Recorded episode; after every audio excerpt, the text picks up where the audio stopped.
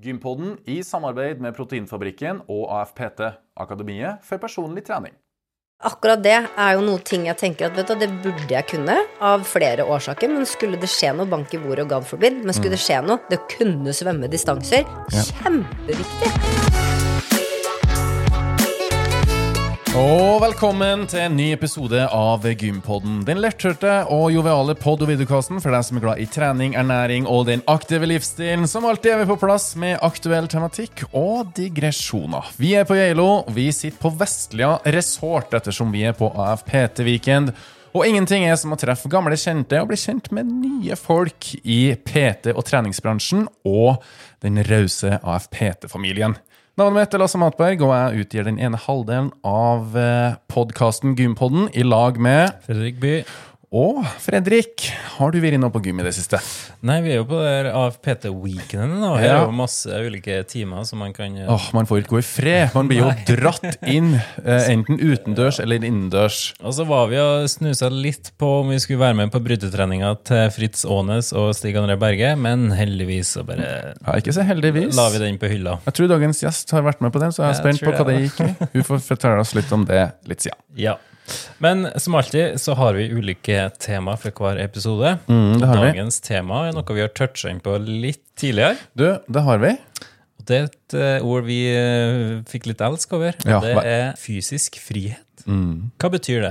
Um, for meg, eh, jeg har jo alltid, etter at jeg har vært introdusert for crossfit i 2016, så sier jeg at jeg liker å trene for å være funksjonell. Så uansett, Fredrik, hva du ber meg med på, om det skal være å svømme noen svømmetak i havet, eller spille bowling, eller gå på en topptur, eller eh, ja, hva vet jeg, så er den fysiske kapasiteten og robustheten min, eh, den gjør at jeg kan si ja, det blir jeg med på. Jeg slipper å tenke meg om før jeg mm, ja, jeg vet ikke helt om jeg klarer det. Så det er fysisk frihet for meg, da. På samme måte som økonomisk frihet, kanskje. Eh, At du ikke trenger å tenke på om du kan gå på restaurant før at du, det blakker deg helt. da. Jeg er helt enig, og jeg deler det synet der veldig. Jeg kjenner Ja. meg veldig igjen i Ja. de tankene der. Legger ikke noen begrensninger for hva du kan gjøre, i bunn og grunn. Nei. Og så kan det jo være skader som gjør at du ikke klarer å gå på den toppturen, og sånne ting, men liksom den generelle helsa er såpass god at man kan være med på det meste. Og det er faktisk Det gir meg masse livskvalitet. Ja, samme her. Samme her. Og apropos det å være fysisk fri, kanskje det er på tide å introdusere dagens gjest? Det er det. Dagens gjest vokste opp i Fredrikstad som enebarn med mor, stefar og far.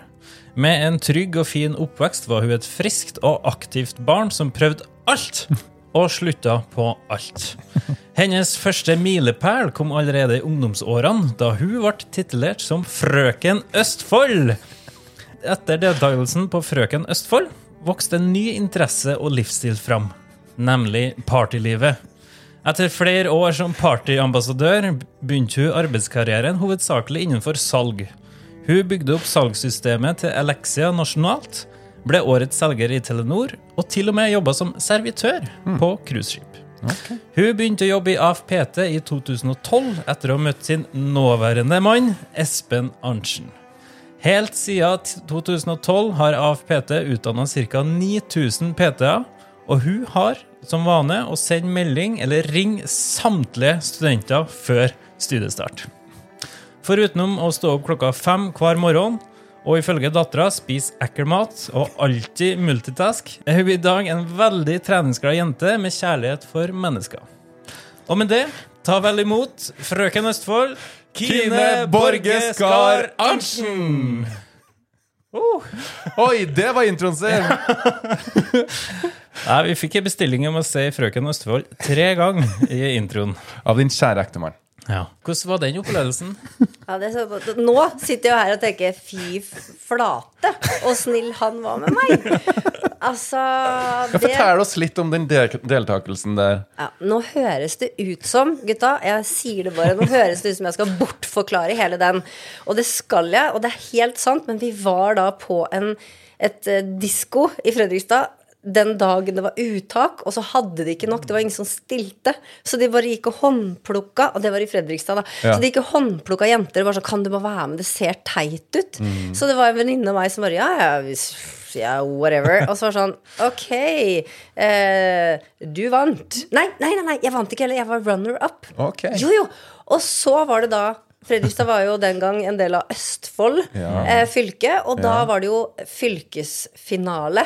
Eh, og da var jeg der, og så var det en ren tilfeldighet at jeg vant det. Men jeg fikk så mye pepper at jeg turte ikke å være med videre.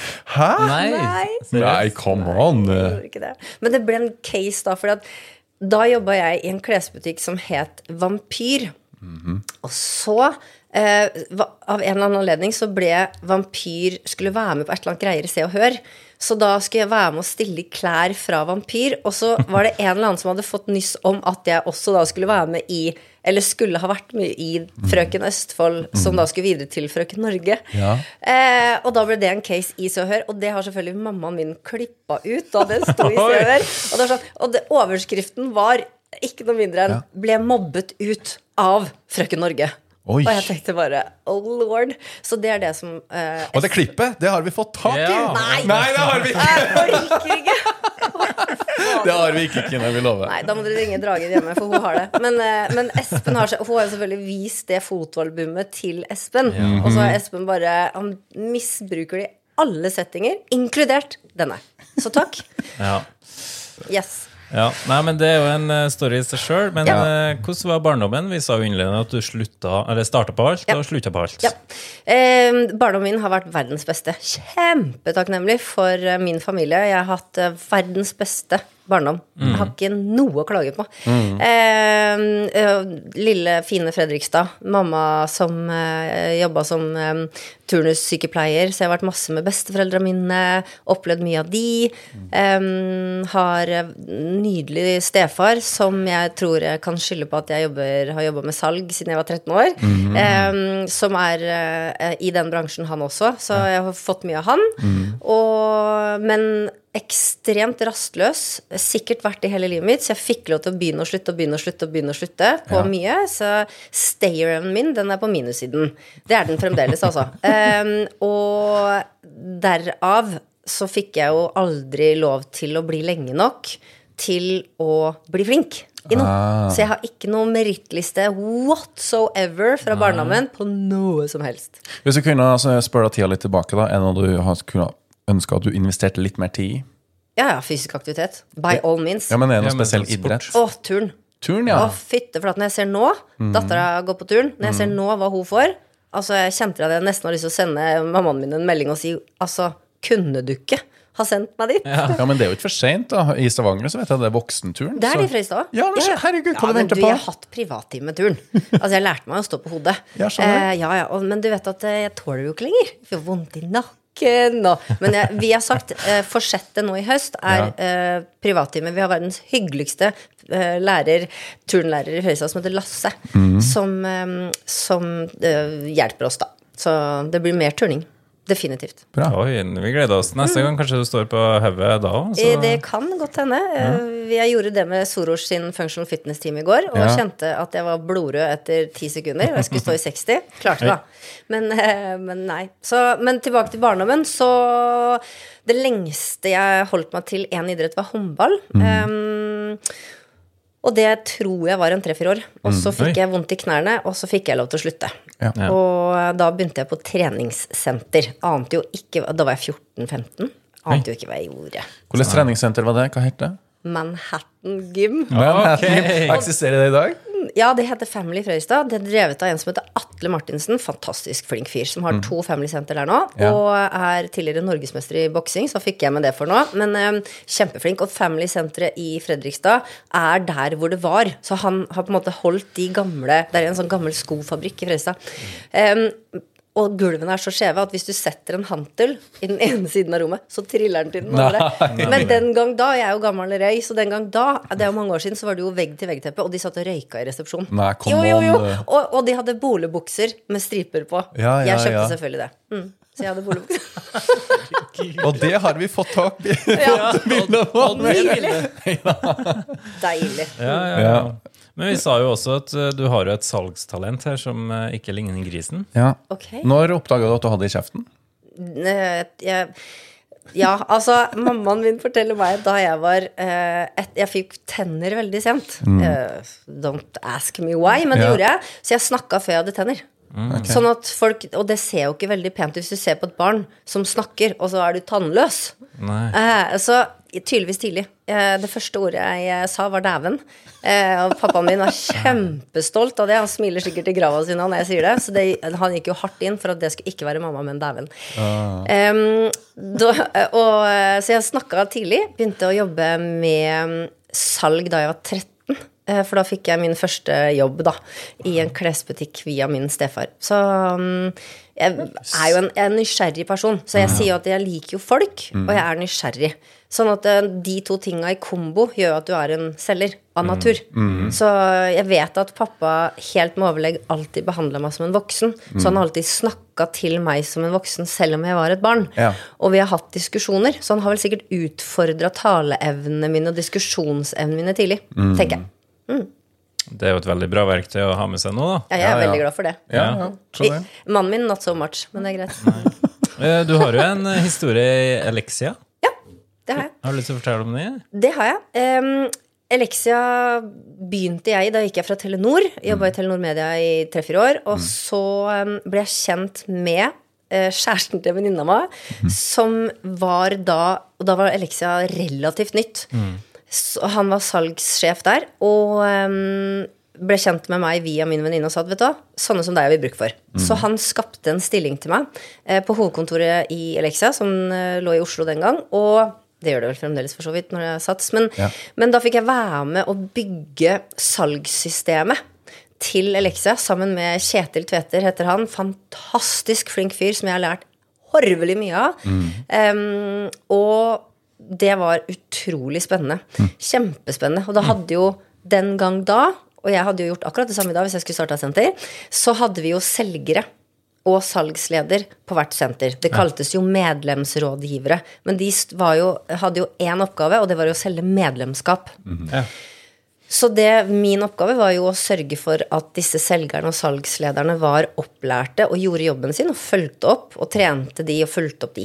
Så det Hva er dine hotte tips for å bli en god selger, da? Nei, det er jo nettopp det jeg sier. Altså det å være nysgjerrig på mennesker. Det Ja. å, og, og, og altså det kommer jo an på produktet ditt. Men det å ha en, en lojalitet og et eierskap og en stolthet Ja. til det du skal selge Sånn at det å selge ting du ikke kan stå inne for, det er jo no go for meg. Um, så, men, men det å faktisk kunne tenke at vet du det produktet jeg har, det vil hjelpe deg på en måte, det er viktig. Det Ja, fordi kjempe- du har, Nå har vi snakka fem-seks minutter om salg, og du har fortsatt ikke nevnt eh, økonomi eller penger enda. Så det var ikke det som var din drive i det hele tatt? Nei. Nei. Nei. Jeg er jo um, bekreftelsesjunkie. Jeg trenger bekreftelse. Eh, og nå kaster jeg mammaen min litt foran bussen, men mamma har nok alltid skrytt av meg for ting som egentlig ingen trenger skryt for. Eh, sånn at jeg har jo Jeg trenger mye bekreftelse. Sånn at salgsyrket, som er et prestasjonsyrke, det er jo helt rett for en person som meg. Mm. For du, det er jo svart på hvitt. Gjør du det bra, eller gjør du det ikke bra? Hvilken plass ligger du på alle selgerne nå? Vi hadde jo et veldig system for det i Elexia. Der var det kåringer. Eh, Ja. Der var det månedlige kåringer. Sånn at eh, det, der fikk jeg virkelig smake på det. Ja. Jeg, Var det sunt, eller var det usunt? Eller? For deg som var flink, var det kanskje sunt? Jeg mener jo, Ja. fra den prestasjonskultur-generasjonen jeg kommer fra, Mm. og eh, det er jo et spesielt type menneskeslag som jobber med det her, Ja, men det er klart at jeg mener at det er sunt. Jeg syns jo eh, alle skal være med.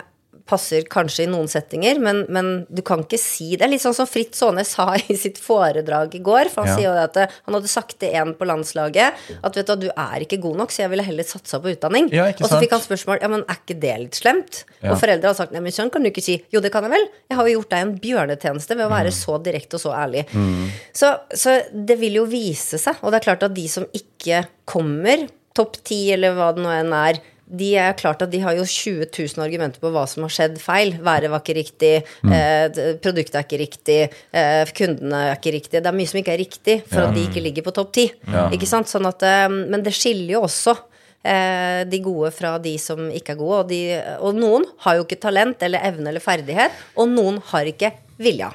Så det er to komponenter ja, som er, er viktige. Mm. Ja, det. Absolutt. Men hva interessen for trening og sånn, har den alltid vært der? Nei, den har ikke det. Nei, Men kom den mens du jobba eh, treffende nok på et treningssenter, da? Nei. Eh, jeg trente jo på Manhattan, og eh, det ble ikke noe av. Og så kan jeg egentlig ikke huske i eksempelvis åra på videregående at jeg var noe konsekvent der. Nei. jeg begynte da jeg var 19 år, tror jeg. Det er det jeg kan spole tilbake til. Og så tenkte jeg nå, for jeg så et bilde av meg sjøl, og jeg lå på sofaen og spiste potetgull. Så begynte jeg i Telenor da jeg var 19. Jeg var jo relativt ung. Og der var alle velstelte, velkledde. Eh, altså det ble en liten prestasjon. Så tenkte jeg nå, kjære lille venn, må du bare get your shit together. Nemlig. Og så var jeg med på eh, en Da meldte jeg meg inn på SATS i Sarpsborg.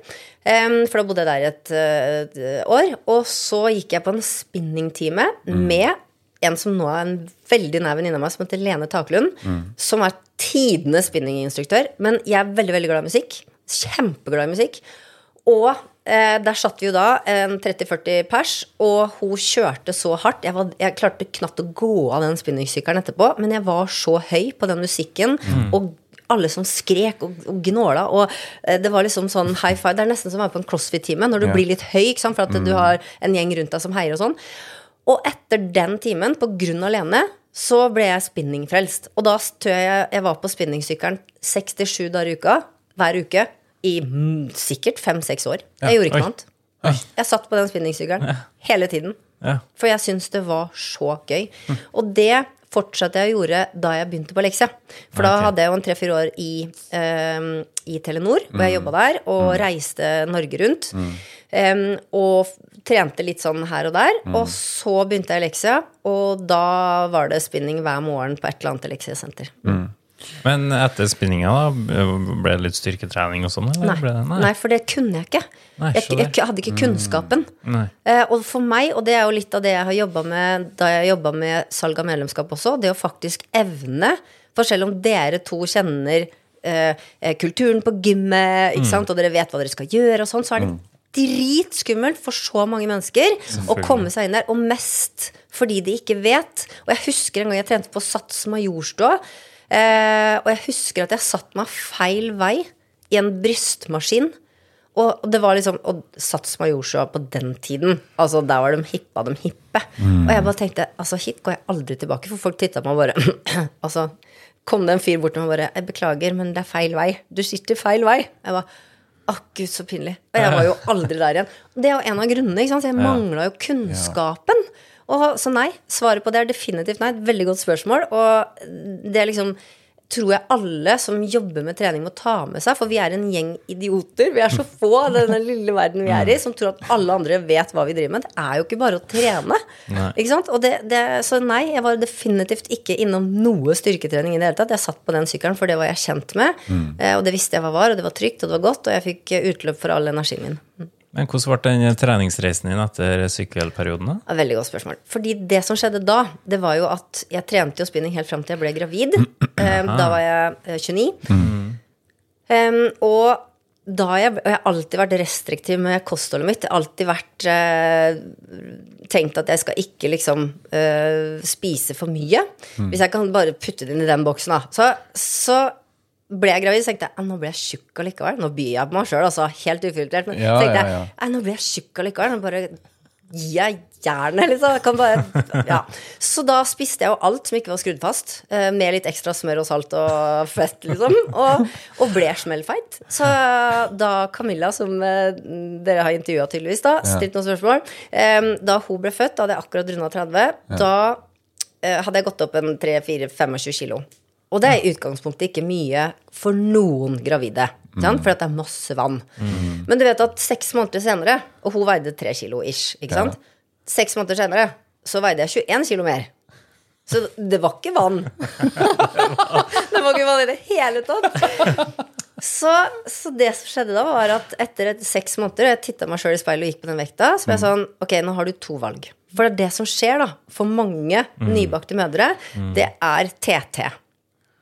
TT, det er tights og tunika. Og det er fryktelig komfortabelt. Det er en tights, og så er det en tunika over, som ikke viser noen ting. Så, du har ti- yes. så TT er jo en ting som jeg tror mange som hører på nå, som har vært gravide, kanskje kan kjenne seg igjen og smile litt av, for det er jo veldig komfortabelt. Ikke sant? For det er ingen som ser hva som har skjedd under. Eh, så tenkte jeg sånn, enten nå så må du kjøpe flere tights og tunikaer. eller så må du gjøre en jobb for å komme inn i den garderoben. Har jeg penger til å kjøpe meg en ny garderobe? Nei, det har jeg ikke. Så da begynte jeg å trene, og så skjønte jeg jo fort at vet du hva, jeg har ikke kunnskapen, jeg vet ikke hva jeg skal gjøre. Så det jeg endte med å gjøre, da, det var jo å løpe på mølla. Det var da på Elixia i eh, Fredrikstad. Da var jeg jo ferdig å jobbe i Elixia-systemet første gang. Jeg har vært der i to ganger. Men da, så da, det jeg gjorde da, altså apropos Altså når jeg akkurat bjuda på at jeg satt på spinningsykkelen nesten hver dag hver uke i mange, mange, mange år. Så det jeg gjorde da, det var å løpe. Så da løp jeg en mil hver dag sju dager i uka. I et år. Oi. Og den gang hadde jo ikke jeg noe iPad jeg så på, så jeg liksom løp og titta rett inn i veggen. Nei. Fatter ikke hvordan det gadd. Jesus. Nei, så, så det jeg gjorde Men du vet at da går du jo ned.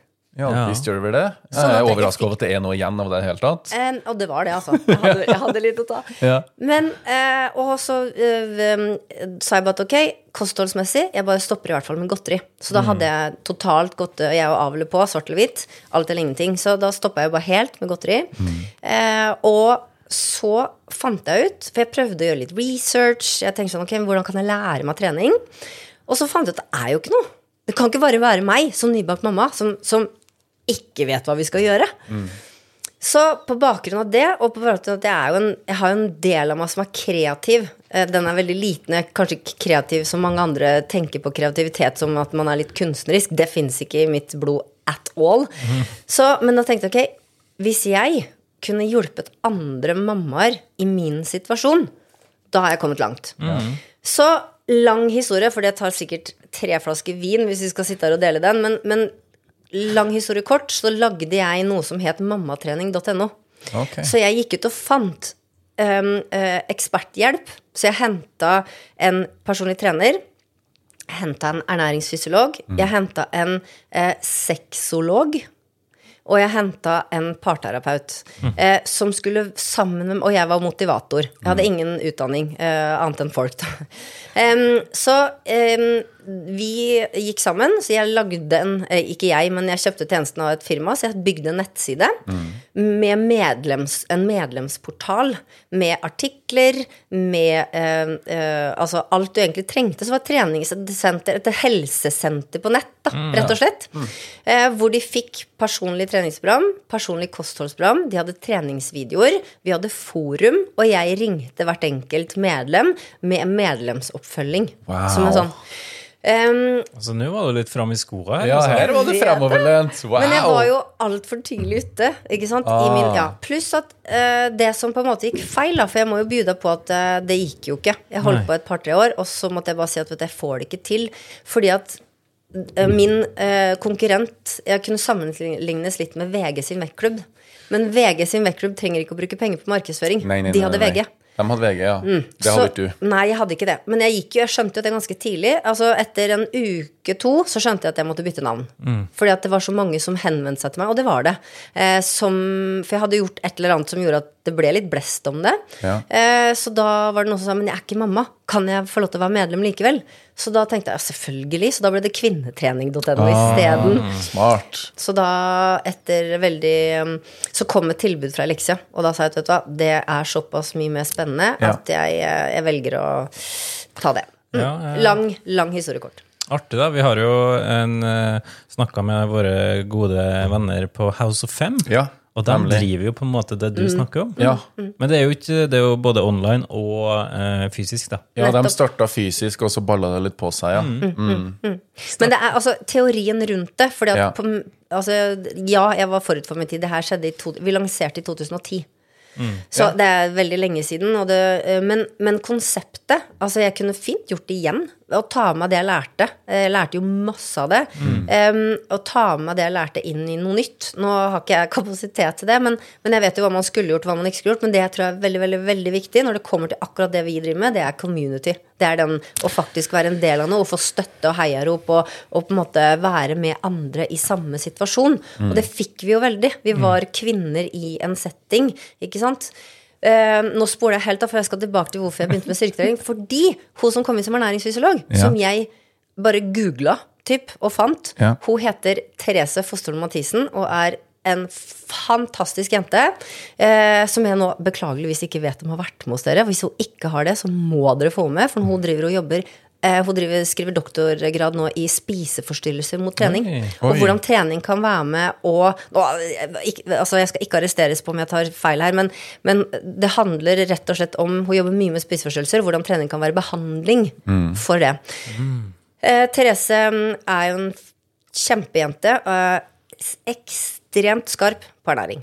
Veldig skarp på ernæring. Det er hun som blant annet Hun jobba for Espen, og det er hun som satt i Akademi for personlig trening. Så hun satt Ja, ja. meg i kontakt med han når hun var med meg i Eller da, heter det vel. Da hun var med meg i kvinnetrening, så sier hun du, jeg jobber for en annen person også. Eh, han heter Espen, og dere er skulle vært tvillinger. Og jeg er sikker på at dere kunne gjort noe spennende sammen. Og det sa hun lenge. Altså Sikkert et år, halvannet, før jeg bare sånn Ok, greit, jeg skal ringe fyren, da. Greit. Det er en helt annen historie vi kan ta senere. Men Therese er jo fitnessutøver. Hun har jo vunnet ganske mye i um, Athletic Fitness, som det het den gang. Og hun kan jo styrketrening. Så hun var sånn, vet du, Kine, du må gå av den mølla. Nå er det nok. Ja, nå Nå må nok. du bare være med meg. Så hun lærte meg, tok meg inn i styrketreningsverden. Så det er på grunn av Therese at min glede rundt styrketrening skjedde. Og jeg er jo Ja, kjempeglad for at hun fikk meg ut av eh, det. Skal jeg være ærlig. Hvor var det? Hvor var det? Ja, da var vi på Elexia i Dikeveien i Fredrikstad. Jeg var der hun og lærte meg. Og jeg gjorde rookie-mistaken første gang jeg var og trente med henne, og det var så flaut. Fordi vi kjørte knebøy i Ja. et uh, vanlig rack, Ja. og så sier hun ja, så skal vi bort her. Og så gikk jeg fra racket, hun bare «Øh, Unnskyld meg? Jeg bare Hva? Hva har jeg gjort noe gærent? Du tar av skivene, eller? Å ja, ja, ja, er ok, greit. Dritstreng var det. Jeg holdt på å tisse på meg. Jeg bare, ok, greit. Etter det så har jeg alltid selvfølgelig tatt av skivene. Ja, om det er en rookie mistake, det vet ikke jeg. For Nei, det er veldig skjer ofte. som gjør det. Ja, det skjer ofte om det er rookie eller ikke. Ja. Ja, Men det er nok en uskreven regel, ja. Ja, Det er vel en skreven regel. Ja, søren heller. Ja, nei da. Så det var uh, introen, holdt jeg på å si. Det var sånn jeg begynte med styrketrening. Så møtte jeg og Espen, og etter det så har det nesten bare vært styrketrening. Ja, og da ble det jo veldig god kontakt med han, da. Ja, det ble jo det, da. Ja. Herlighet. Nei, og da var det jo sånn at ja. vi tok jo dette med Jeg ringte Altså, det her er fun fact. For at jeg ringte den og fikk nummeret av, Therese, og Therese sier ok, jeg har sagt til han at du skal ringe, og dere må møtes. Det var greit. Ringer igjen, og så tar han ikke telefon. Jeg husker det som var i går.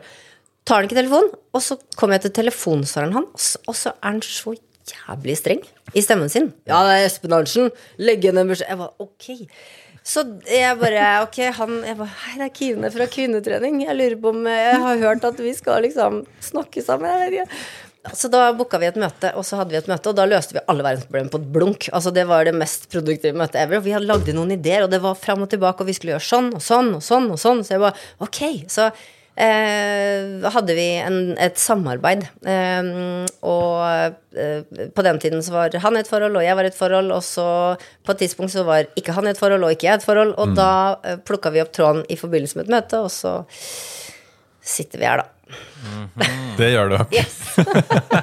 det var godt Og oppsummert. da ble det søt musikk. Det var søt musikk. Ja, ja, ja. ja. Og fortsatt det. Ja, ja, jeg skulle til å si det er fremdeles søt musikk. Ja. Det er det. Ja, bra. bra. Ja, for da begynte du jo i AFPT. Det gjorde jeg. Jeg jobba jo i Elexia eh, den gang. Og jobba Jeg er jo ekstremt lojal eh, som person. Lojalitet er en av mine øverste verdier eh, på stigen. Um, og jobba veldig mye, for da jeg- fikk jeg lov til å bygge et senter i Sarpsborg. Eh, de, fra det, det var null, det var et jorde, Oi. og til det var ferdig. Det var jo nesten trekvart år vi brukte på den prosessen. Jeg fikk lov til å ansette alle 52 medarbeidere og starte senteret. Ingen hadde tro på det skulle gå bra i lille Sarpsborg. Bare bønder. Vi kunne i hvert fall ikke selge PT-timer i Sarpsborg. Solgte 400 timer første måneden vi wow. hadde åpent. Ja. Eh, Men jeg jobba ekstremt mye.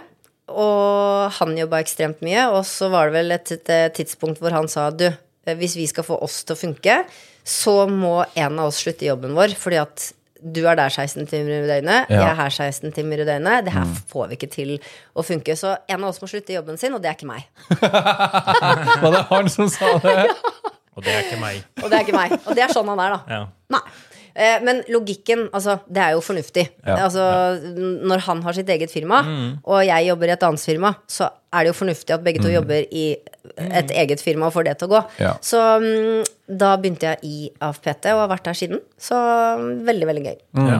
Og vi sa jo at uh, du mest sannsynlig har snakka med 9000 uh, den tidligere studenter. Jeg har nok snakka med flere. Ja, for det er jo mange det. jeg snakker med som ikke blir studenter. Ikke det er jo noen som ringer og sier du, jeg lurer på å bli PT, og så snakker vi sammen og sier jeg vet, jeg tror ikke det her er for deg.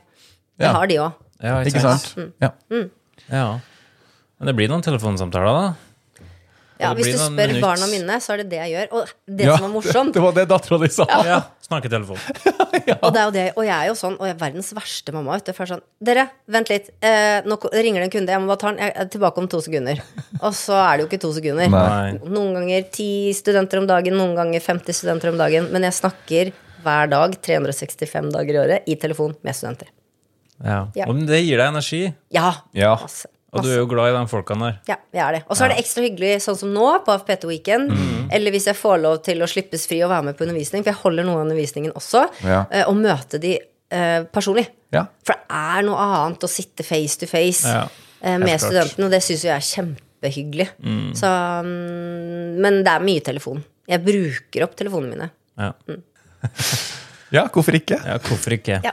Men vi har jo et tema som er fysisk frihet. frihet. Og du hørte jo vi snakka litt om det innledende. Kjenner du deg igjen i det vi snakker om? Definitivt kjenner jeg meg igjen i det. Jeg syns jo det er en annen ting som skal puttes på fysisk frihet, og det er jo å skape tid til å kunne gjøre seg selv eh, den tjenesten at du er fysisk fri. At du har fysisk frihet. Em, fordi det handler jo om prioritering for mange. Mange som sikkert kjenner seg igjen i å si at ja, men jeg har ikke tid. Jeg har stjålet eh, en bekjent av meg som heter Jens, sitt ord på helse. Jeg syns et svensk ord på det med god helse, det, eh, det er helsosam. Jeg syns det er et fantastisk godt ord. Har, vi har ikke noe eh, ord som kan matche det i Norge, sånn jeg vet. Det kan godt hende dere eller noen av lytterne har det, men, men helsosam syns jeg er et godt ord. Det er et positivt lada, sjarmerende svensk ord. Eh, men, men for han, da, så betyr det hans helsesjekk, da. Det er at han Uh, han har noen styrkeøvelser han gjør, og det har dere sikkert snakka med Espen om, at du skal ha, liksom, kunne løfte halvannen vekt i uh, knebøy, bla, bla, bla, sånne ting. Men han sier at jeg skal alltid kunne løpe en mil på under en time. Ja. Hvis jeg ikke kan det, da. Og det å kunne gjøre seg så noen sånne eh, parametere, da. For det som er fysisk frihet for meg, Ja. er kanskje ikke fysisk frihet for dere. Nei. Nei, nemlig. Og da må jeg bare si, fordi det å kunne jobbe mot noen For, for det blir litt sånn blurry, litt diffust. Hvis du sier ja, men jeg skal ha fysisk frihet, ja, men hva betyr det for deg da, Lasse? Ja. Fordi når du nevner innledningsvis at du skal bowle og du skal kunne svømme et tak, Ja. er det det at du skal kunne svømme eh, eh, 1000 meter uten å daue? Det hadde ikke jeg klart, forresten. Eller er det det at du skal kunne gå opp en slalåmbakke? Eller er det Altså, hva er fysisk frihet for deg? Og det tror jeg er noe man kan kunne grave litt i, da. Fordi at eh, hvis ikke du har et målbart mål, et konkret, spesifikt målbart mål, Ja. så kan du snakke om fysisk frihet til du dauer. Men, men altså, du må kunne ha noen parametere på det, og Ja. de er ulike. Og når liksom øh, Spør du Jens, da, så er jo det å kunne løpe en mil på under en time. Ja, nemlig. Og så kanskje for noen er det å gå opp fra sofaen og inn i kjøleskapet og hente seg en brus, liksom. Nettopp. Jeg var veldig lite spesifikk under introen i dag, men eh, jeg kan kjenne meg igjen i å springe en mil eh, under en time. eh, Og svømme 1000 meter, eh, 40 lengder, på under en halvtime. Eh, Gå opp hårskallen på under en halvtime, altså det lokale Fjelltopp. fjell, fjelltoppen i Levanger. At min fysikk ikke ble begrensning for hva du måtte finne å uh, be meg ut på. da. Mm. Skal vi sikte året og stå på slalåm? Nei, jeg føler ikke meg helt der. Jo, selvfølgelig, fordi at jeg er fysisk skikka til det. Og selv om du er flinkere enn meg til å stå på ski, så skal jeg prøve å henge med, i hvert fall. Ja, ja, og det kan jo være som eh, ting som at uh, Ja, bli med og trene i dag. Ja. Jeg tar en løpetur. Ja, Og så sier jeg at nei, du er ikke godt nok trent. Det har jo ikke du lyst til å høre, eller Nei. det har ikke jeg lyst til å si. Jeg er jo godt nok trent, men jeg er ikke bedre trent enn deg. hvis Nei, du i, for, skjønner. ja, I forhold til hva, da? Ikke sant? Så det, du har et veldig godt poeng der. Men jeg tror det er jo utfordring til dere begge og til alle som lytter, er jo faktisk å si hvilke sjekkpunkter har jeg? Ja. Hva er det jeg skal ha som en sånn nedre grense, da? Hit, men ikke lenger. Men har du noen sjekkpunkter, Kine? Oh, Men- Ja, det var et godt spørsmål, altså. Nei, altså ja, jeg har det. Eh, Jeg skal også kunne løpe, så jeg har jo stjålet Jens sin. Ja, ja.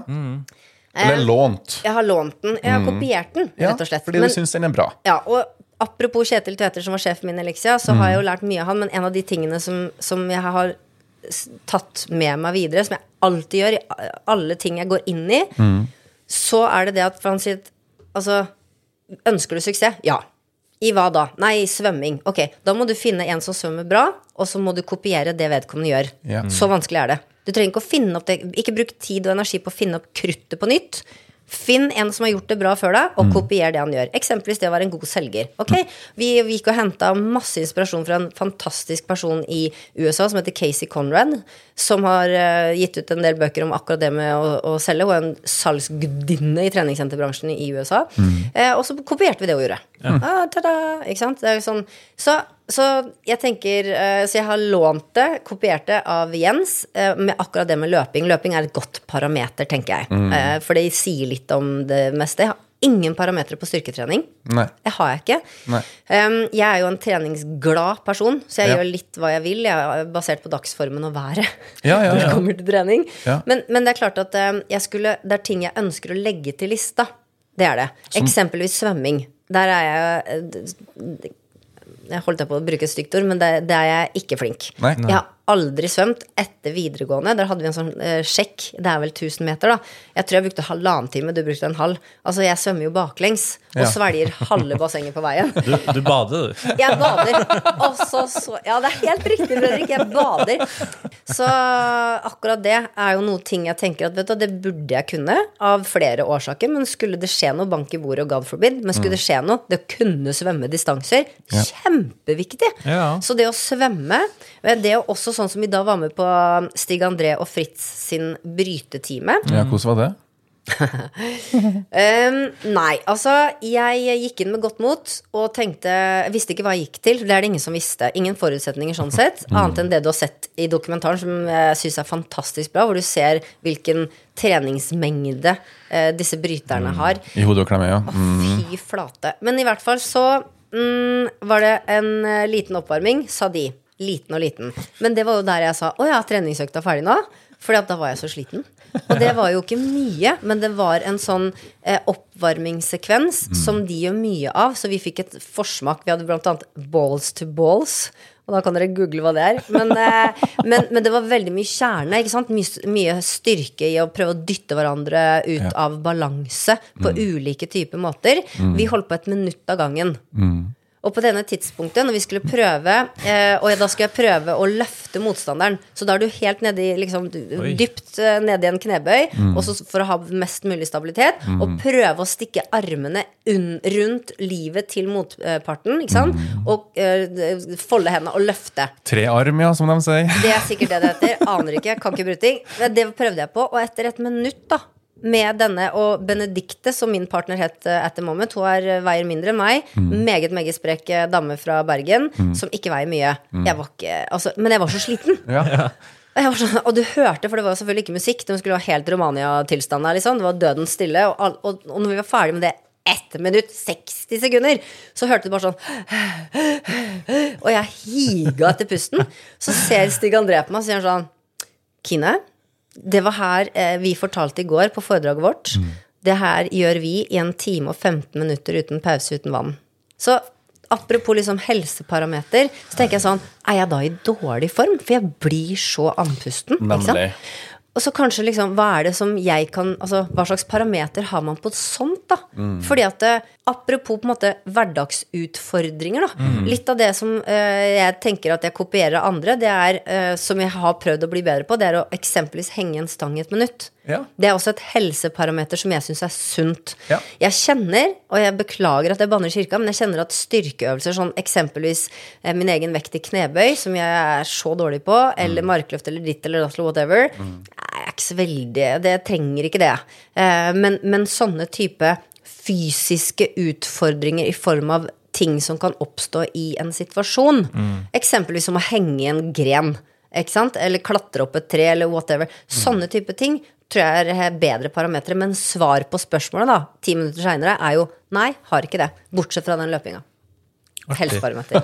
Jeg kom på et parameter som jeg har, og det, Ja, er, så, det er faktisk svømming. Jeg syns det er veldig viktig å ha kan det, faktisk. Fordi det er ofte man havner, kan havne i situasjoner der man Ja. er i vann. Ja. Og en annen ting, det er at man klarer å ta én pullup. Mm. For la oss si at du er i vann. Du svømmer 1000 meter for å komme deg inn. Ja. Og så er det en bryggekant Ja. eller en Ja. båt. Ja. Og du skal ha deg opp, ja. Du skal ha deg opp. Det å ha styrke til å så løfte deg opp hvert minimum én gang, det kan være livsviktig. Og det er sånne ting, da. Ja. Det er det jeg mener med gode helseparametere. Så kan treningsparametere være noe annet, men helse, sånne type ting som kan redde deg ut av en situasjon, eller gjøre deg i stand til å takle en situasjon som Ja. vi håper at vi ikke kommer i, men som kan skje.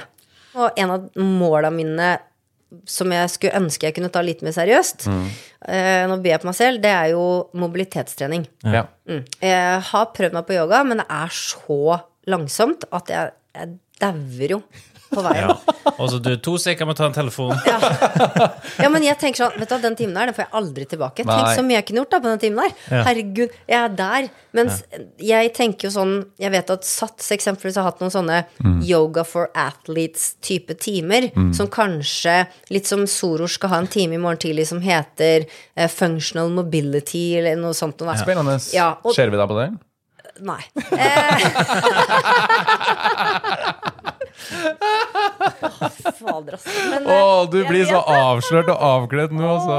Men altså, jeg bare tenker sånn Det er noe jeg vet at jeg må bruke mer tid på fordi at jeg ikke bruker tid på oppvarming. I går så var jeg med på Soros sin eh, time Functional Fitness, og da skulle vi ha håndstående. Og så bruker han jo fem-ti minutter på å varme opp håndledda. Ja. Ja, og så skulle vi liksom stå i en viss situasjon i forhold til oppvarming av håndledda, tøying av håndledda, og jeg er så stiv at jeg, jeg vet jo ikke hvilket ben jeg skal stå på. Nei. Så tenker jeg sånn, det her er bare pinlig. Og så tenker jeg, ja, nå skal jeg begynne å varme opp mer. Kommer ikke til å gjøre det. Og jeg vet jo, er det noe man skal for helsa sin skyld, siden det er det vi snakker om nå, ikke sant? så er det jo det å varme opp. For du unngår jo skader. Vi vet at det er skadeforebyggende. Men bruker vi tid på det? Nei. Så, men jeg tror du får gjort mye hvis du er med på en sånn type mobilitetsteam i uka. Én gang i uka. Én Ja. time i uka. Så det er mitt mål nå. da. Nå har jeg sagt det høyt, så da gjør jeg det sikkert. Ja, da skal vi ta en ny check-in om et år, tenker Ja. jeg, og så høre Ja. litt hvordan det går med mobiliteten. Jeg er klar for det. Eh, Jeg sa jo innledende at du er en sånn morgenfugl. Ja, Eh, Du står opp klokka fem hver morgen. det gjør jeg. Hva er dine treningsrutiner, eller kanskje ukentlige rutiner? Det er et veldig godt spørsmål, Fredrik. Jeg har alltid vært en morgenperson. Det er stefaren min, som jeg tror eh, For mammaen min er ikke det. Men han og jeg vi har alltid vært oppe før sola. Og jeg har eh, definitivt mest å gi. Så jeg er en typisk A-menneske Ja. hvor hjernen min slutter å funke etter klokka seks. Okay. Så hvis jeg skal jobbe, ha noen møter på kvelden, så er jeg sånn ah, Jeg trener på kvelden, glem det. Ja. Jeg var jo med på en treningstime klokka fire på her om dagen, og Ja. da, det, er, det er å strekke den langt for meg. Altså. Da begynner jeg å dale. Når er det du trener? da? Nei, jeg trener jo Jeg kan stå opp fem og trene fra seks til sju. For Shit, barna står opp sju. Så, så jeg um, er definitivt flinkest på morgenen. Ja. Men jeg kan stå opp eh, klokka fem, og så kan jeg prøve å ha litt sånn mindful eh, session der på morgenen. Ja. For det er da jeg får det til. Prøve på det. Jeg har prøvd på det i mange mange år. Og jeg sier prøve, for jeg er ikke noe Altså, jeg er ikke veldig mindful. Hva du gjør i stedet, da? Nei, altså, jeg prøver å meditere. Ja, prøve, men altså men Nei, altså jeg har guida meditasjon. Ja. Um, nå har jeg eh, ekspandert, så nå prøver jeg å gjøre det uten guiding. Men jeg har noe type eh, meditasjonsmusikk eller noe sånn. Okay. Um, prøve litt box breathing. Er jeg der er jeg nå? Uh, fire sekunder inn, hold i syv, pust ut på åtte. Og det, sitter du og gjør det en time, liksom? Er du gæren? Ti minutter maks. Ja, Apropos kaste bort livet. Hva, du gjør de resterende 50 Nei, minuttene? jeg er veldig takknemlig. Uh, Jeg drikker kaffe. Jeg har alltid vært. Deilig. takknemlig. Jeg er en veldig um, eh, jeg Jeg er en halvfull person. Typisk halvfull person. Medfødt. Hvis jeg sier jeg er født i juni, så er jeg født i sola. Så jeg tenker sånn Jeg er født på solskinnsdag, sier jeg. Men øh, og det høres flåsete ut, da. Fordi at jeg har jo mennesker i min nærhet som ikke er det. Så jeg skjønner at det er ikke for alle. Og man kan ikke som morgenfull presse morgenstunden ha gull i munnen på en eh, B-menneske. Og du skal ikke heller liksom pakke på den der type liksom positiviteten på en person som ikke er der. For det blir ikke naturlig. Det blir egentlig bare total krasj. Så jeg holder det egentlig for meg sjøl. Men siden du spør, så øh, har jeg jeg- Jeg skriver ofte ned i boka ting jeg er på morgenen. da Hva ønsker jeg ut av dagen? Um, jeg kan godt skrive, og det kan jeg gjøre på kvelden også, skrive ting jeg er glad for som har vært på dagen som har vært. Og det kan være alt fra Hadde det kjempegøy med Lasse og Fredrik. Kommer jeg garantert til å skrive boka mi nå? Fordi det her syns jeg var kjempegøy. Nå sitter jeg og har masse energi, men det får jeg ofte av mennesker. Um, men men det å, å være takknemlig for de små tinga Eksempelvis fy flate og god kaffe de hadde i baren på Vestlia. Det var godt, ass. Eh, eller så hyggelig det var å se eh, det, Jeg var på en time i går hvor det var en person som kanskje i utgangspunktet ikke hadde så god fysisk form, da. Som klarte det. Jeg så den mestringsfølelsen. Jeg bare tenkte flate, så, så hyggelig det var å få lov til å være med og se det. Eh, eller eh, Altså, så alle småtinga som vi tar for gitt tror jeg er med å bidra til at vi har det litt bedre. Og jeg skal ikke pakke det på verken Fredrik eller Lasse, men, men jeg tenker at for meg så er det en av de tingene som jeg gjør på morgenen. Det er å prøve å sette standarden for dagen. Og, og prøve å se ok, hva er det jeg skal gjøre i dag. Og hver dag så sier jeg eksempelvis jeg skal gjøre en god ting for en annen person i dag. Um, og så jeg, jeg jeg, og det, jeg får så mye av å glede andre. Det er jo en av de tingene som gir meg masse. Så det er klart at det er jo en egoting i det òg, da. Ikke sant? Ehm, så mindful, trener, eh, barn, morra, lage mat eh, osv., osv. Få dem på skolen, og så jobbe. Telefon. Yes! Og jeg har PC, altså. Ja, men, eh, og det er klart, eh, men jeg bruker jo opp telefonen min. Jeg gjør det. Jeg har det maks et halvt år, så er den ødelagt. det. Men eh, siden du står opp så tidlig, da må du legge deg ganske tidlig òg. Ja, ja, ja, definitivt. Du gjør det. Du er Ja. flink på søvn. Eh, flinkere. ok. uh, og det er en kollektiv greie i huset. Uh, Ja. Fordi både Espen og jeg, eh, vi er jo voksne mennesker. Det er klart man trenger jo mindre søvn som ung. Men, um, men da jeg møtte Espen, så klokka jeg kanskje fem, maks seks timer. Og klarte meg helt fint, for jeg klarer meg ganske godt på li- eh, Unnskyld. Jeg klarte meg ganske godt på lite søvn. Spesielt, jeg har tre barn, folkens. Altså, de år, og to av dem kom med ett års mellomrom. Altså, jeg, jeg jo Jeg, jeg sov jo ikke på tre-fire år. Så det er klart at, Og da går du med konstant stresshormoner, ikke sant? Som er med og driver deg. Så jeg har vært mye flinkere til å uh, prioritere søvn. Jeg husker uh, Espen leste opp fra en artikkel for meg, og det er kanskje en tre-fire-fem år siden, at du får mer resultat fysisk av å sove en time lenger kontra å stå opp en time før å gå på treningssenteret. Yes. Og det, det, det satt godt i meg, og den lever jeg etter ennå. Og Juma, Iraki, som jobber eh, hos oss med ernæring, han sa også det et forsøk han hadde på en viss kroppssammensetning og fettprosent, eh, det er mange år siden. Så han fikk ikke lov til å trene hvis han ikke hadde klokka åtte timers søvn Oi, i den testperioden. Og det betydde at skulle han ha de resultatene, så hadde han jo selvfølgelig programmert eh, Satt opp et gitt program som inneholdt et visst mengde trening på eh, x antall dager. Så han måtte. Så ha, i den perioden så klokka han åtte timers søvn. Og han hadde mye bedre resultater enn han tidligere hadde hatt. Så jeg har jo tatt med meg det litt inn i det her. Det som er utfordringen da, med å bli flinkere på søvn, er jo at du blir så avhengig av det. Man blir avhengig av de Jeg er nå på syv.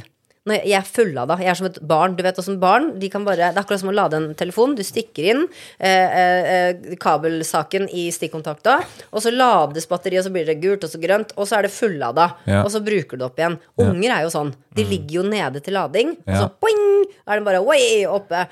Eh, og, og der er jo jeg òg, så jeg våkner jo som regel av meg sjøl før klokka.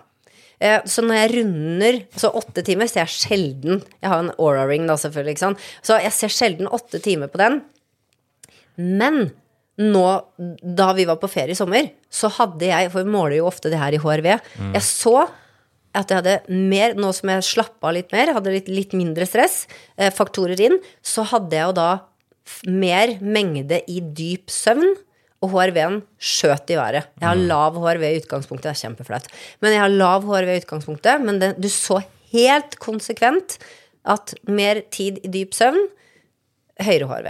For dem som ikke vet hva HRV er. Det handler om hjerteslaga her. ikke sant? Det er en god parameter. Og det, hvis ikke dere har hatt en episode om det, så er det helt sikkert verdt å gjøre det. Eh, heart rate variability står jo HRV for. Den skal i eh, utgangspunktet være ganske høy. Det er jo sånn mellomrommet mellom hjerteslagene dine. Eh, og jo mer ujevnt det er, jo bedre er HRV-en din. Ja. Ikke sant? Ja, og bedre helse. ja. Ja. ja. Eh, og så er det jo ulike ting som påvirker. Jeg er jo en stressa person, udiagnostisert ADHD, og, har, og er jo en sånn, man kan si, energikanin. Tenker jo, og dere hører jo hvor fort jeg snakker, og hvor mye jeg snakker. Når du, fort, liksom, du putter på en femmer, så får du en fem- 500-lapp. Men, men sånn at det, jeg skal jo også roe meg ned, så putter du stress, som jeg har i hverdagen med jobben min. mm. tre barn. Eh, eh, altså det er ganske mange ting som påvirker meg. Koffein. Jeg kan jo f.eks. ikke drikke um, en pre-workout eller en Nocco, altså sånne type ting. Fordi jeg går Jeg får jo en krasj uh, på klokka seks timer seinere. Går jeg helt i kjelleren. Kan ikke røre det. Men det er klart, før så drakk jeg jo fem-seks kopper kaffe om dagen. Nå er jeg nede i én. Så jeg jobber jo konsekvent. Og når tar du den kaffen? Morgen. Ja. Best jeg vet. Kos meg med kaffe. Kanskje to, da. Kanskje jeg tar den til lunsj hvis jeg er et eller annet møte som tilbyr meg kaffe, liksom. Men jeg, det er helt konsekvent på grunn av kvalitet av søvn. Ja. Jeg merker det. Har, nå har jeg til og med vært der, og jeg har merka det på treningsøktene mine. Når jeg har sovet godt. Og det ser du jo, det var mange ting i dag som måler søvn. Ikke sant?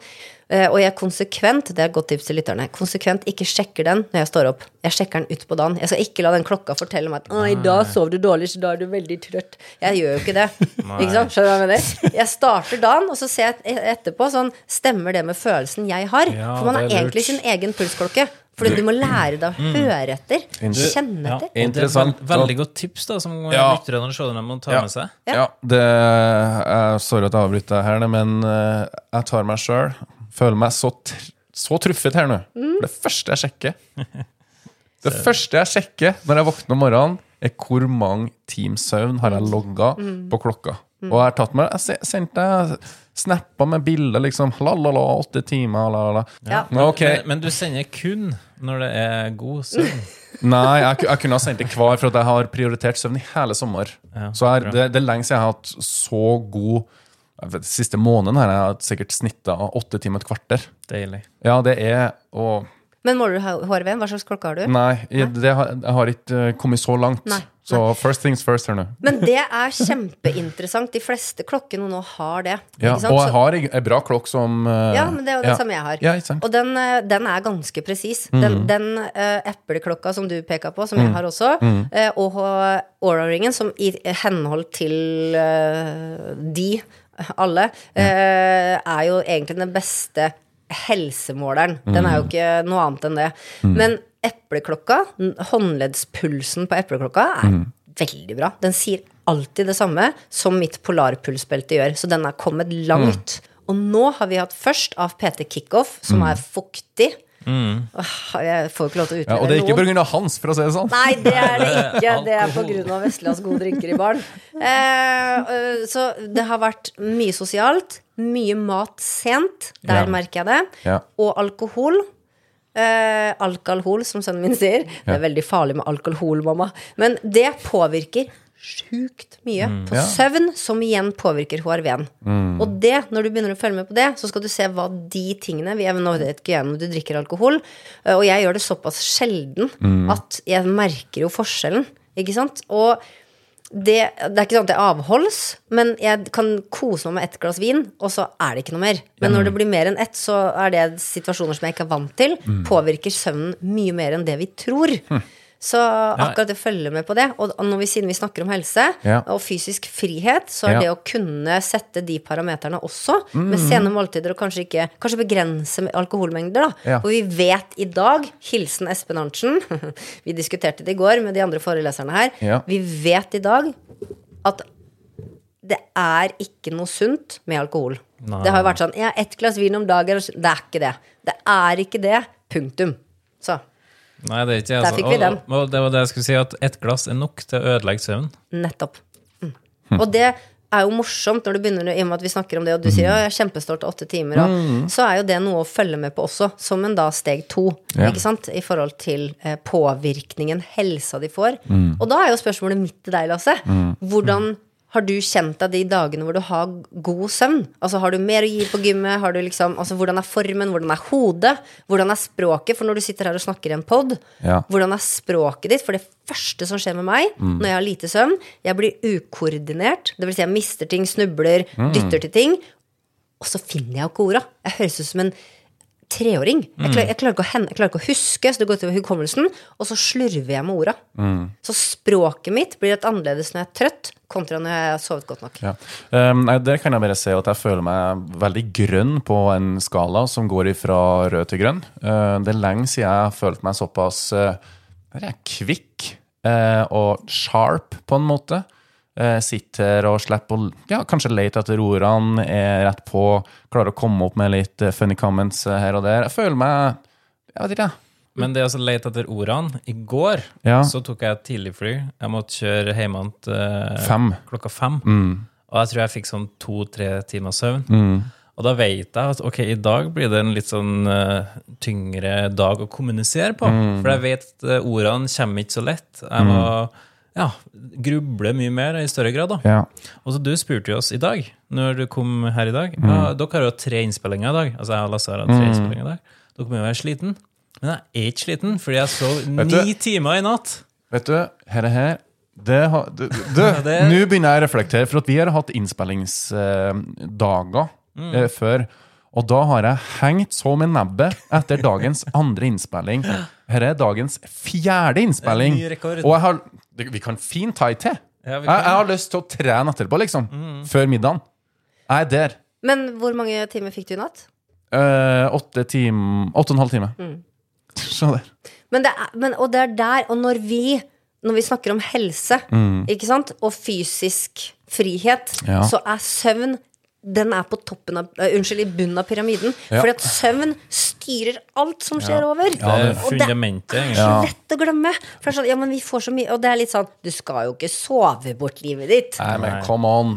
Altså, også, Du må nå bygge et hus på en solid grunnmur òg, tenker jeg. Jo, men jeg tror at Og heldigvis så setter flere, sånn som dere, fokus på akkurat hva er det helse består av. Nei, det er ikke bare Mm. bryst og biceps, eller hvor fort du kan løpe, eller ditt eller datt, eller Du Mm. må på en måte se, ok, men hva er det jeg skal ha i bånd for å kunne prestere? Mm. Eksempelvis mat. Jeg merker jo helt Helt bestemt når jeg har hatt dårlig periode med mat, Mm. som jeg kan ha hatt nå i sommer. Masse godteri, masse is, masse greier.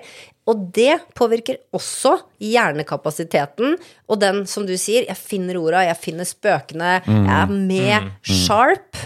Ikke sant? Hvordan en viss mat kan fremme den skarpheten du opplever i sinn og kropp, kontra det motsatte.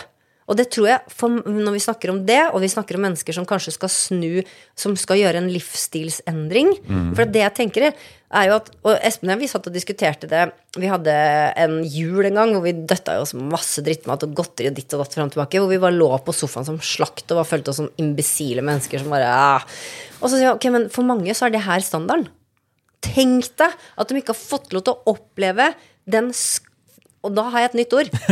Fysisk skarphet. Ikke sant? Hvor du faktisk er sharp. Hvor du er på. Hvor du kjenner at vet du, hva, jeg har overskudd. Jeg finner orda. Jeg har hukommelse. Og jeg har lyst. Du har ikke vondt i vilja, men du har vilja som kommer, og som ikke sant? Sånn at det, det tror jeg er en, en ting som jeg skulle ønske at mange får lov til å oppleve. Å komme ut av fast food eh, eh, ja. brain foggen. Og komme inn i bra-matskarpheten. Skulle jeg ønske. Ja, jeg må innrømme at eh, når vi starta dagens episode, så var jeg kanskje litt innsnevra i synet på fysisk frihet. For det handler ikke bare om å, å være mm, ja, funksjonell nok til å gjøre forskjellige idretter, eh, men the bigger picture er always større. Ja. Så takk for input, sier Kine. Det er derfor vi har gode gjester, som Kine Arntzen. Det er det. det, er det. Og unnskyld, Kine Borgeskar Og det er Arntzen. veldig viktig med Borgeskar. Ja, det var jo et sjelden etternavn. var det? Ja, det Jo, var det. det er det. Vi har tolv av oss i Norge. Vi er jo så heldige og fikk lov til å bli med på AFPT-weekend Ja. sammen med dere og hele den fine familien dere. Det er vi veldig veldig takknemlige for, så tusen takk for det. Og du kan jo kanskje si kjapt hva er det det går i? AFPT Weekend er jo en helg for egentlig for alle. Men eh, treningsinteresserte. Eh, Det er jo en helg hvor vi trener mye. Vi tilbyr mange ulike treningstyper eh, hvor du kan prøve litt ulikt. Eksempelvis bryting, ikke sant? eller funksjonell fitness osv. Um, og hvor vi har foredrag. Vi har hatt foredrag Fritz eh, og Stig André har hatt foredrag. Vi har hatt foredrag i dag om mental helse med Elaine eh, Blum og Alexander Aalerud. Vi skal ha, eh, det går nå et em, foredrag om avhengighet mer enn rus og alkohol. Mm. hvor vi snakker om avhengighet, eksempelvis om min avhengighet av trening. Som sikkert ikke er sunn, da. Så jeg er glad jeg slapp å høre på det foredraget. For da har jeg sikkert sittet igjen med det. Ja. Men, men det er en helg hvor vi samles, rett og slett. eh, og sosialiserer oss. Nettverksbygging. eh, glede. Masse treningsglede. I utgangspunktet har det vel vært tenkte vi jo at det er fra AFPT-familien. AFPT-familien, det er en del du blir av eh, når du har eh, møtt oss i AFPT, men vi sier jo at alle studentene våre er en del av AFPT-familien. Så, eh, og det er jo de vi på en måte i hovedsak inviterer, men det er jo mennesker som har med seg venner. Mm. det er de som har med seg ektefeller, partnere, eh, ikke sant? Barn. Barn. Ja, så ja. så, så vi, vi er jo en fin gjeng, men i utgangspunktet noen som på et eller annet vis kjenner til AFPT. Det kan Ja. jeg si. Ja. Eh, og så må du være interessert i trening. Du, vil, du må ville være her for treningen sin skyld. Ikke sant? Mm. De fleste som hører på, er nok interessert i trening og helse og Mm. den biten der. Så hører du på og har lyst til Ja. å bli eh, student, så er jo AFPT Weekend sikkert noe som eh, kommer deg for øre etter hvert. Ja, ja, ja. Og hvis du er nysgjerrig på å bli student, så er jeg helt sikker på at Kine ringer deg opp og tar en liten peptalk Vet du hva, vi har, og det har vi gjort en stund nå, men eh, Mm. er du der, så tenker jeg at du skal være med på informasjonsmøte. Vi har det jevnlig, ja. og det er en morsom ting. Det er, da står jeg på skjerm og snakker med studentene Mm. eh, og forklarer litt rundt hva er, hva er PT-studiet. Hvordan er det å jobbe som PT? For det er jo det mange lurer på. Er det her noe for meg? Det er jo veldig mange som har treningsinteresse som tenker, vet du hva, så gøy det hadde vært å jobbe som PT. Og mange av studentene våre er de som faktisk har hatt en livsstilsendringsreise sjøl, og som vet hva trening, kosthold, helsefokus har gjort for dere, og ønsker å gi den gaven videre. Så da et typisk spørsmål jeg får på sånne informasjonsmøter, er jo Må jeg være i god form for å ta studiet? Og det må man jo ikke. Nei. Nei. Og sånn er jo generelt òg i forhold til treninga. Du må ikke være i god form, du må bare trene.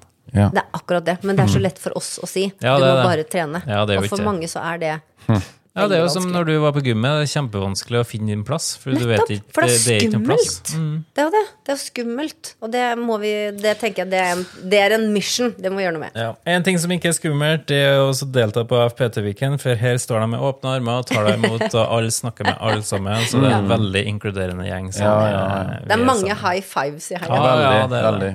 Vi har eh, noen spørsmål vi bruker å stille gjestene våre. Eh, det første er hva er ditt beste helsetips?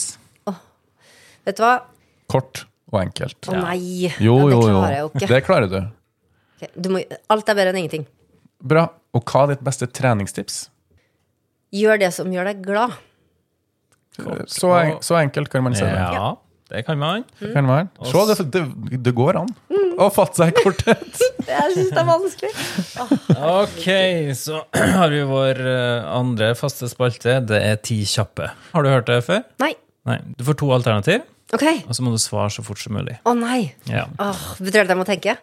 ja du må tenke litt. Klokka er snart etter seks. Det var da jeg sa at det går. Du sa så, du sa Da må jeg drikke litt Snåsavann, så Ja. kanskje det blir bra. Ja, Ok, yes. ta, ta deg en sup snåsavann, så begynner vi Jeg er klar. med første. Proteinshake eller proteinbar? Proteinsjekk. Tren med pulsklokke eller ikke? Med Hjemmetrening eller tren på gym? gym. Eh, mentaltrening eller fysisk trening? Fysisk. Jogge eller spinning? Jogge. Elixia eller AFPT? AFPT. Elixia eller Sats? Å, Elixia! Altså. Ja, men jeg må bare sjekke. Ok, greit. Fredrikstad eller Sarpsborg? Fredrikstad. Kaffe eller energidrikk? Kaffe. Soloppgang eller solnedgang? Opp. Tur i parken eller tur på stranda? Stranda. Kostholdsplan eller freestyle-tallerken? Freestyle. Sende melding eller snakke telefon? Snakke i telefon. Lag mat eller bestill takeaway? Bestille. Eh, dekning på telefon eller free-modus? Dekning. Generell oppvarming eller spesifikk oppvarming? Ikke oppvarming. Ok, eh, generell. Eh, tights eller kjole? Kjole. Lære noe nytt eller lære bort? Lære mm, nytt. Å gud, jeg elsker begge. Nytt. Nytt. Lære nytt. Ja. Så kan jeg lære bort. Ja, ikke sant? ja, bra. Hey. Eh, tren med eller uten Espen? Uten. Nei, vet du hva. Ja, ja, jeg skal forklare etterpå. Ja, mm. ok. trene tren med eller uten barna? Uten. Tøy ut eller reise rett hjem etter trening? Rett hjem. Fredrik eller Lasse? Hæ? Kan jeg ikke få begge? Jo, det er mange som svarer det òg. Og siste trappa eller heisen? Trappa. Ja.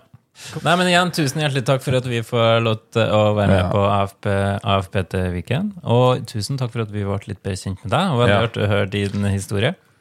Takk for at jeg fikk komme og skravle høl i huet på dere. Altså Hvis dere da ikke var slitne etter forrige, så tenker jeg nå har jeg bare toppa, liksom. Nei, men Du, har fortsatt masse verste- energi igjen her. Verste var okay. At jeg nesten fikk energi. Ja. Jeg skjøt. Ja, det er som sånn Care Bear. Ja, men du er en liten sånn powerbank som vi lader Ja. i deg, vet du. Og med det så er det bare nok en gang. Tusen hjertelig takk eh, for at vi får lov til å komme hit og delta på av PT Weekend. Og takk for praten, Kine. Takk for at jeg fikk være med. Det var veldig hyggelig. Jeg uh, skravler uh, Du, jeg tipper nok at praten kommer til å fortsette ned i både middagssalen og baren i ute de senere nattetimer her på. Geilo. Takk, kjære seer og lytter, for at du følger med oss i dag. Nye episoder av Gympoden hver torsdag. Hei hå. Hei hå.